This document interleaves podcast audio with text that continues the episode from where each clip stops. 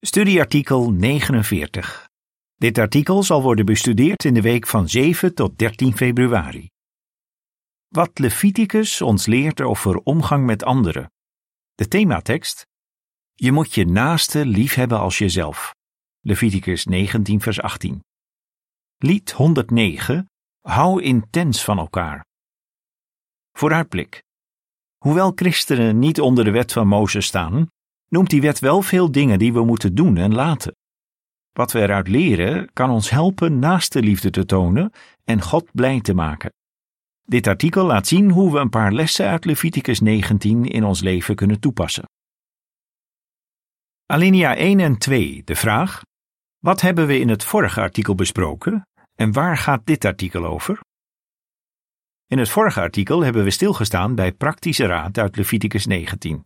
We hebben bijvoorbeeld in vers 3 gezien dat Jehovah de Israëlieten opdroeg hun ouders te respecteren. Je kunt dat advies opvolgen door in de materiële, emotionele en geestelijke behoeften van je ouders te voorzien. In hetzelfde vers werd Gods volk herinnerd aan het belang van de Sabbat. We hebben geleerd dat je het principe achter de Sabbatswet kunt toepassen door geregeld tijd in te ruimen voor dingen die met je aanbidding te maken hebben. Op die manier laat je zien dat je je best doet om heilig te zijn waartoe we in Leviticus 19 vers 2 en 1 Petrus 1 vers 15 worden aangemoedigd. In dit artikel gaan we verder met onze studie van Leviticus 19. Wat kun je uit dat hoofdstuk leren over goedheid voor mensen met lichamelijke beperkingen, over eerlijkheid in het zaken doen en over naaste liefde? Laten we eens kijken hoe de lessen ons helpen heilig te zijn zoals God. Wees goed voor mensen met lichamelijke beperkingen. Alinea 3 en 4 de vraag: Hoe moesten de Israëlieten volgens Leviticus 19 vers 14 met de doven en de blinden omgaan? In Leviticus 19 vers 14 staat: Je mag een dove niet vervloeken en je mag geen obstakel voor een blinde leggen. Je moet ontzag hebben voor je God. Ik ben Jehovah. Jehovah verwachtte van zijn aanbidders dat ze rekening hielden met degenen die een lichamelijke beperking hadden. De Israëlieten mochten bijvoorbeeld een dove niet vervloeken. Dat vervloeken hield in dat je iemand bedreigde of kwaad over hem afsmeekte. Wat vreselijk om een dove zoiets aan te doen. Omdat hij niet kon horen wat er over hem werd gezegd, zou hij niet voor zichzelf kunnen opkomen. Vers 14 laat ook zien dat Gods aanbidders geen obstakel voor een blinde mochten leggen. Een naslagwerk zegt over mensen met een lichamelijke beperking. In de oudheid werden ze in het Midden-Oosten vaak uitgebuit en misbruikt. Misschien dat iemand uit boze opzet of een vreemd gevoel voor humor een blinde wilde laten struikelen. Maar zoiets is heel wreed. Met dit gebod maakte Jehovah zijn volk duidelijk dat ze goed moesten zijn voor personen met beperkingen. Alinea 5. De vraag: hoe kun je medegevoel tonen voor mensen met lichamelijke beperkingen? Jezus had compassie met degenen die lichamelijke beperkingen hadden. Over wat hij voor ze deed, liet hij aan Johannes de Doper berichten: De blinden zien, de kreupelen lopen, de melaatsen worden rein, de doven horen, de doden worden opgewekt. Alle mensen die Jezus wonderen zagen, loofden God. Lucas 7, vers 20 tot 22. Christenen volgen Jezus na door net zulk medegevoel te tonen voor personen met een lichamelijke beperking. Daarom gaan we vriendelijk, begripvol en geduldig met ze om.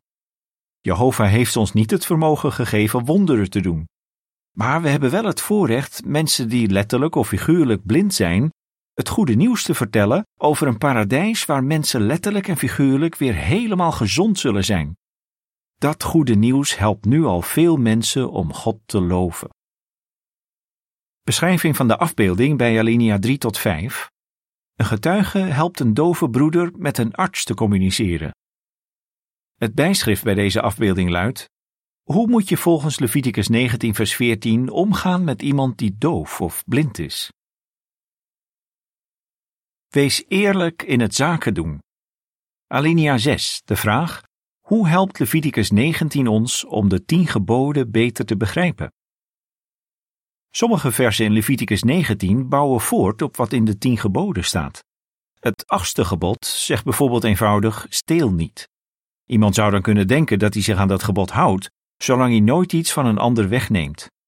Toch kan het zijn dat hij op andere manieren steelt. Alinea 7. De vraag: Hoe kon het gebeuren dat een koopman het achtste gebod over stelen overtrad?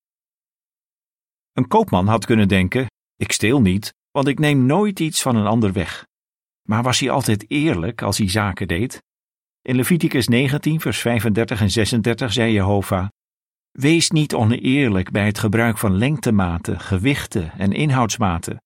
Gebruik een nauwkeurige weegschaal, nauwkeurige gewichten, een nauwkeurige korenmaat en een nauwkeurige maatkan. Een koopman die zijn klanten met onbetrouwbare weegschalen en gewichten bedroog, was in zekere zin aan het stelen. Dat wordt ook duidelijk in andere versen van Leviticus 19. Alinea 8. De vraag: Hoe hielp Leviticus 19, vers 11 tot 13 de Joden om de geest achter het achtste gebod toe te passen? En welke les zit daar voor ons in? In Leviticus 19, vers 11 tot 13 staat: Jullie mogen niet stelen, en jullie mogen elkaar niet bedriegen en oplichten. Jullie mogen niet in mijn naam een valse eed afleggen en zo de naam van je God ontheiligen. Ik ben Jehovah. Je mag je medemens niet afzetten en je mag niemand beroven. Het loon van een loonarbeider mag je niet de hele nacht vasthouden tot de volgende ochtend. De eerste woorden van Leviticus 19 vers 11 zijn: Jullie mogen niet stelen. Vervolgens legt vers 13 het verband tussen stelen en oneerlijke zakenpraktijken. Je mag je medemens niet afzetten. Frauduleuze zakenpraktijken worden dus gelinkt aan diefstal en beroving. Hoewel stelen al in het achtste gebod verboden was, zouden de details in Leviticus de Joden duidelijk maken hoe ze de geest achter die wet konden toepassen.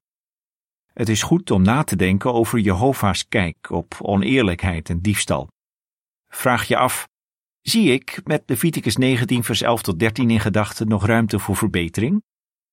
Moet ik iets veranderen in de manier waarop ik zaken doe of in mijn werkgewoonten? Alinea 9, de vraag: Welke bescherming bood de wet in Leviticus 19, vers 13? Er is een ander aspect van eerlijkheid waaraan een christen moet denken als hij mensen in dienst heeft. Leviticus 19, vers 13 besluit: Het loon van een loonarbeider mag je niet de hele nacht vasthouden tot de volgende ochtend.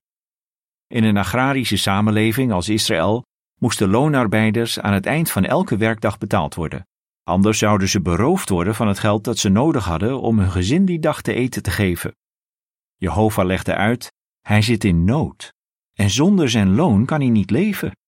Deuteronomium 24, vers 14 en 15. Alinea 10. De vraag: Welke les kunnen we uit Leviticus 19, vers 13 halen? In deze tijd krijgen de meeste werknemers hun salaris niet dagelijks, maar maandelijks uitbetaald. Maar het principe achter Leviticus 19, vers 13 geldt nog steeds. Er zijn werkgevers die misbruik maken van hun werknemers en ze zwaar onderbetalen. Ze weten misschien dat de werknemers geen andere keuze hebben dan voor een hongerloon te blijven werken. In zekere zin komen zulke praktijken neer op het loon van een loonarbeider vasthouden. Een christen die mensen in dienst heeft, zou dat punt zeker ter harte willen nemen. Laten we eens kijken wat we nog meer van Leviticus 19 kunnen leren. Beschrijving van de afbeelding bij alinea 8 tot 10. Een broeder met een schildersbedrijf geeft een werknemer zijn salaris. Het bijschrift bij deze afbeelding luidt: Wat zou je je met Leviticus 19, vers 11 tot 13 in gedachten kunnen afvragen over zaken doen? Heb je naaste lief als jezelf? Alinea 11 en 12. De vraag: Wat liet Jezus uitkomen door uit Leviticus 19, vers 17 en 18 te citeren? Als het om onze omgang met anderen gaat, verwacht God meer van ons dan dat we ze geen kwaad doen. Dat blijkt wel uit Leviticus 19, vers 17 en 18. Daar staat: Je mag je broeder niet haten in je hart. Je moet je medemens beslist terechtwijzen, anders word je medeschuldig aan zijn zonde. Je mag geen wraak nemen en geen wrok koesteren tegen de zonen van je volk. En je moet je naaste liefhebben als jezelf. Ik ben Jehovah. Jehovah geeft het duidelijke gebod: je moet je naaste liefhebben als jezelf. Dat is een vereiste voor een christen die God blij wil maken. Jezus liet uitkomen hoe belangrijk het gebod in Leviticus 19, vers 18 is. Een fariseeër vroeg eens aan hem: Wat is het belangrijkste gebod in de wet? Jezus antwoordde: Je moet Jehovah je God liefhebben met je hele hart, je hele ziel en je hele verstand. Hij zei dat dat het eerste en belangrijkste gebod is.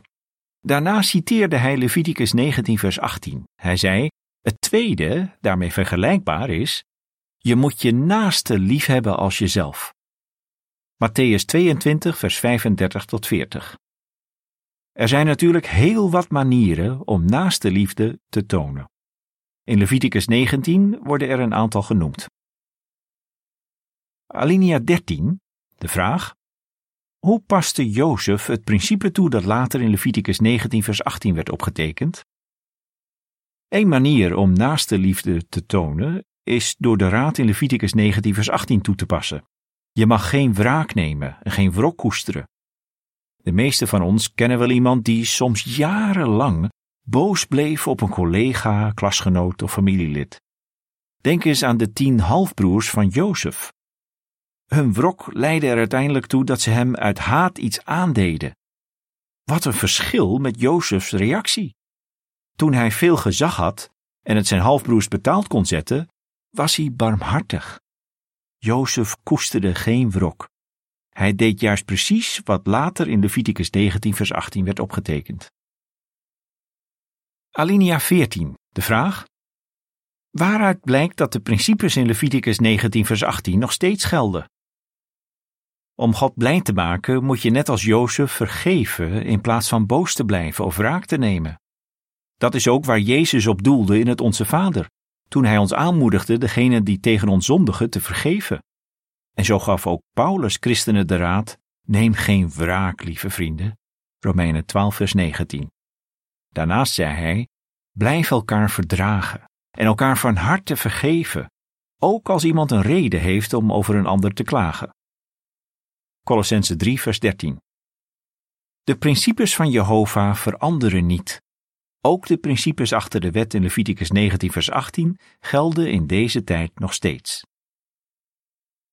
Alinea 15. De vraag: Hoe kun je illustreren dat het belangrijk is te vergeven en vergeten? Gekwetste gevoelens zijn te vergelijken met letterlijke wonden.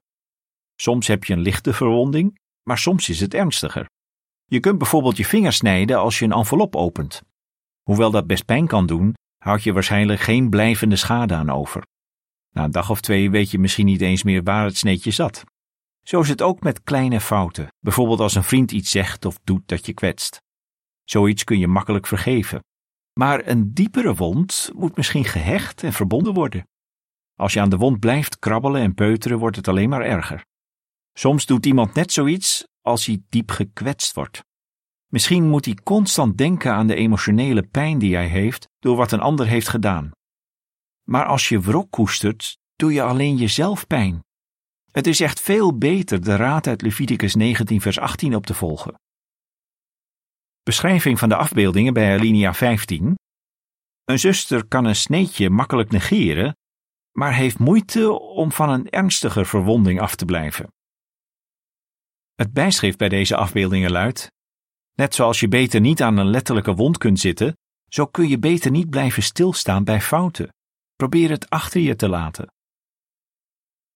Alinea 16. De vraag: Hoe moesten vreemdelingen in Israël volgens Leviticus 19, vers 33 en 34 behandeld worden? En wat kunnen wij daarvan leren?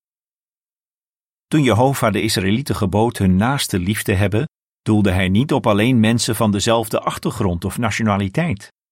Ze moesten ook de vreemdelingen in hun midden liefhebben.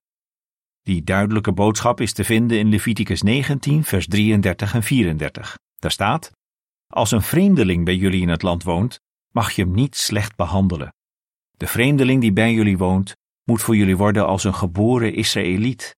Je moet hem liefhebben als jezelf, want jullie hebben zelf als vreemdelingen in Egypte gewoond. Ik ben Jehovah, jullie God.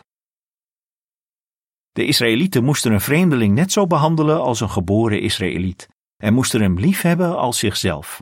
Ze moesten bijvoorbeeld de vreemdelingen die bij hen woonden, net als de armen, toestaan op hun akkers na te lezen.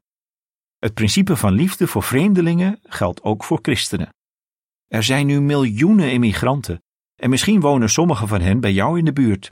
Het is belangrijk die mannen, vrouwen en kinderen met waardigheid en respect te behandelen.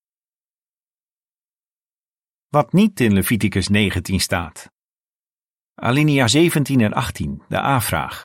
Waartoe moedigen Leviticus 19 vers 2 en 1 Petrus 1 vers 15 ons aan? De B-vraag. Tot welk belangrijke werk spoort Petrus ons aan? Zowel in Leviticus 19 vers 2 als in 1 Petrus 1 vers 15 worden godsaanbidders aangespoord heilig te zijn. Veel andere versen in Leviticus 19 laten uitkomen wat je kunt doen om Jehovah's goedkeuring te krijgen. We hebben nu een paar versen besproken waarin staat wat je moet doen of juist laten. De voetnoot luidt: De versen die in deze artikelen niet aan bod zijn gekomen, gaan onder andere over partijdigheid, laster, bloedeten, spiritisme, waarzeggerij en seksuele immoraliteit. Einde voetnoot. De christelijke Griekse geschriften laten zien dat de principes nog steeds gelden. Maar de apostel Petrus voegt er nog iets aan toe. Er zijn heel wat geestelijke activiteiten en goede dingen die je kunt doen. Maar er is er één die Petrus specifiek laat uitkomen. Vlak voor zijn aanmoediging om heilig te worden in ons hele gedrag zegt hij: Bereid je mentaal voor op actie. 1 Petrus 1, vers 13 en 15. Wat voor actie? Petrus zei dat de gezalfde broeders van Christus overal de schitterende eigenschappen bekend zouden maken van degene die ze had geroepen. 1 Petrus 2, vers 9. In feite hebben alle christenen in deze tijd de eer dat belangrijke werk te doen, waarmee de beste resultaten worden bereikt. Wat is het een bijzonder voorrecht als heilig volk een geregeld en ijverig aandeel te hebben aan de prediking. Als je je best doet om de principes uit Leviticus 19 toe te passen, toon je liefde voor God en voor je naaste. En je laat zien dat je heilig wilt worden in je hele gedrag. Wat leren we uit Leviticus 19 over goedheid voor mensen met lichamelijke beperkingen? Eerlijkheid in alle dingen. Naaste liefde. Lied 111. Onze redenen voor vreugde. Einde van het artikel.